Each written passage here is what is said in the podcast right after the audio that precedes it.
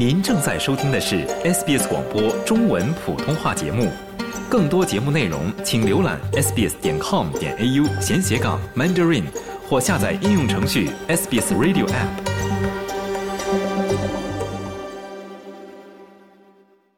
台湾执政党民进党候选人赖清德在二零二四年台湾总统选举中获得了百分之四十的选票，成功当选总统。而更受中国政府青睐的国民党今年获得了百分之三十三的选票，另一支新兴政党民众党则获得了百分之二十七的选票。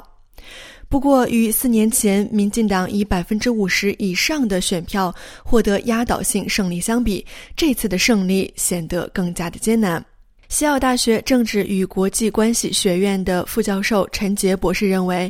在本次选举中，民进党和国民党都保持了自己的基本盘，但第三党民众党的选票却超出了很多人的预期。坚定支持民进党和坚定支持国民党的人。这些人在台湾选民当中，事实上呢，各自都有百分之三十五到四十左右，也差不多就这样子。嗯，那无非就说明是，其他人，其他对于两大党垄断政坛不满的人，呃，想发泄的人，或者想寻找这个啊新的理念、新的代表的选民，这一次无非就是说投给了这个柯文哲的呃民众党。就不是说像以前那样，就是说只能选一个第二好的，就说哎呀，民进党或者国民党，要不拒绝，要不就不投了。这次哎，你说这些人觉得，哎，总上来个民众党就给他吧，而且不要忘记一点，就是说台湾这次好像有一百多万吧，一百多万是所谓手头族，也就是说小青年第一次参加投票，嗯他们是对这种两大党长期垄断是根本就不满。呃，发现柯文哲呢，老躲着海峡两岸这种这种敏感议题不提，嗯，就偏偏就是着重讲的年轻人最关心的，啊，工作问题，那个收入问题，特别是那个房价问题，大家觉得哎，他有戏，嗯，他就投给他，实际上他是他赢的比别人想的都多。麦考瑞大学专门研究印太地区关系与安全问题的高级讲师黄吕琛博士也认为，民进党历史性的第三次赢得执政权并不让人感到意外，但民进党未能在立法院获得超过半数的席位，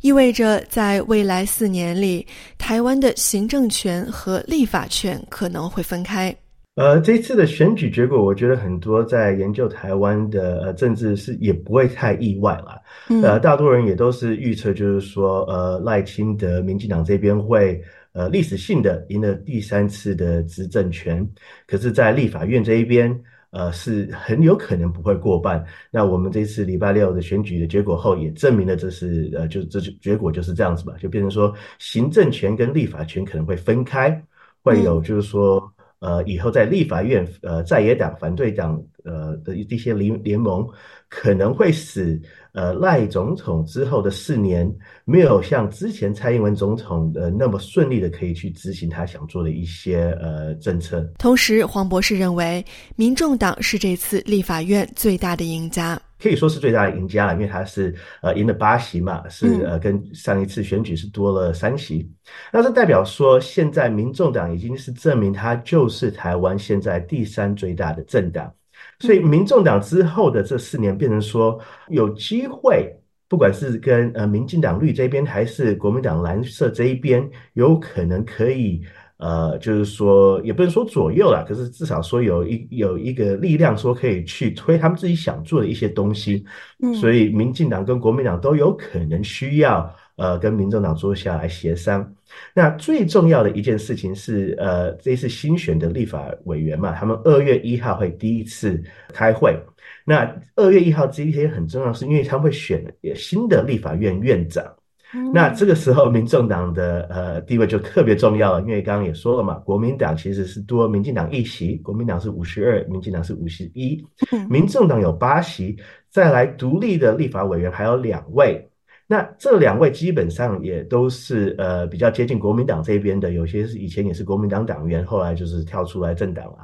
那假如民众党支持国民党的候选人的话，那我们很有可能会看到呃韩国瑜呃做新的立法院院长。假如韩国瑜真的做立法院院长的话，那当然最有可能的是可能会恢复到说两千年、两千零四年陈水扁选上呃总统的时候的那个状况。那时候也是呃一样的状况，就是说。民进党虽然是呃有行政权，呃总统、行政院长这边是呃民进党这边的嘛，那可是立法院那时候是呃国民党跟呃亲民党两边都是比较算是反反对绿色啦，反对台独的这些呃势力，他们那时候是控制立法权的部分，所以会造成说呃今后的这四年赖总统不会说像蔡英文总统那么顺利的可以把很多的法案都顺利的通过。在谈到大选过后两岸关系会有怎样的变化时，陈杰教授认为，中国大陆和台湾双方都可能会进行一些微调，学会和对方打交道。我觉得啊，因为海峡两岸关系真的是太不自然了，就因为蔡英文死死活不承认九二共识一个中国，那所以呢，中国就拒绝和他打交道，整整八年啊不理他的茬，那这个很不自然。我觉得这种僵局，随着赖清德的到来，我觉得很有可能会被打破。嗯，我觉得海峡两岸啊，必须学会重新接触。我猜测啊，这是我猜测。我觉得赖清德就职以后，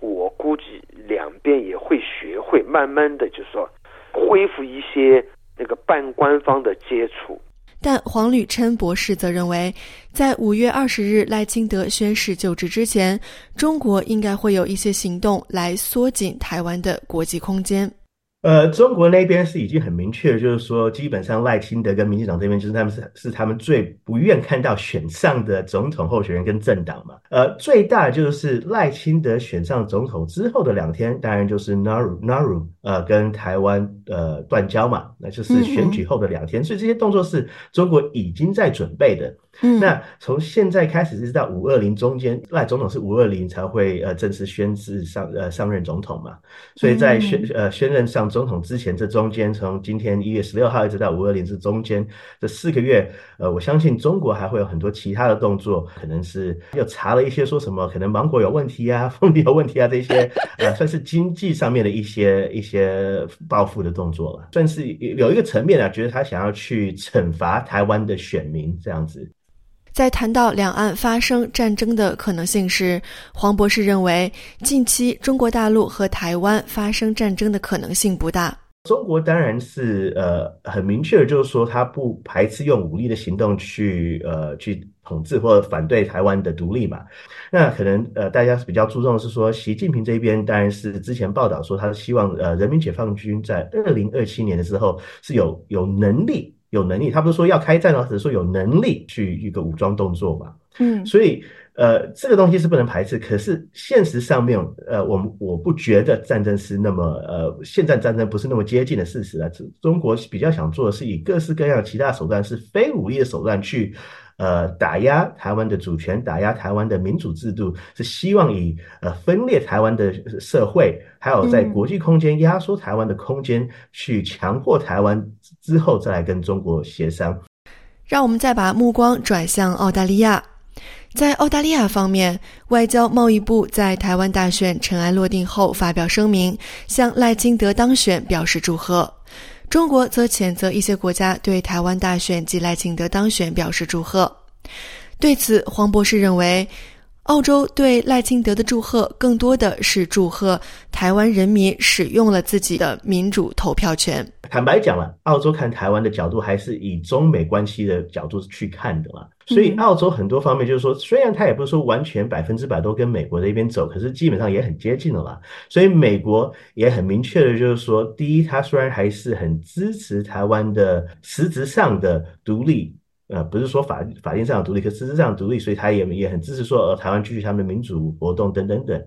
可是呃呃，也是也不希望说台湾正式宣誓独立。那澳洲这边也会就是说会凸显这一也是凸显这一块，就是说，哎，台湾的人民呃使得他们的民主的投票权，所以他们也恭贺说赖清德赖医生选上总统。陈杰博士认为，在西方国家当中，澳大利亚在对台湾的关系方面是最为谨慎的国家。我是观察了好几年，就是说。澳洲要到就是派一个部长去台湾，这都是很难的。台湾折腾一部长来澳洲也是非常难的。也就是说，澳洲台湾打交道这个小心程度，事实上是比东南亚一些国家呃更加小心。想听到更多这样的故事吗？您可以通过苹果播客、谷歌播客、Spotify。或者您喜爱的方式下载收听。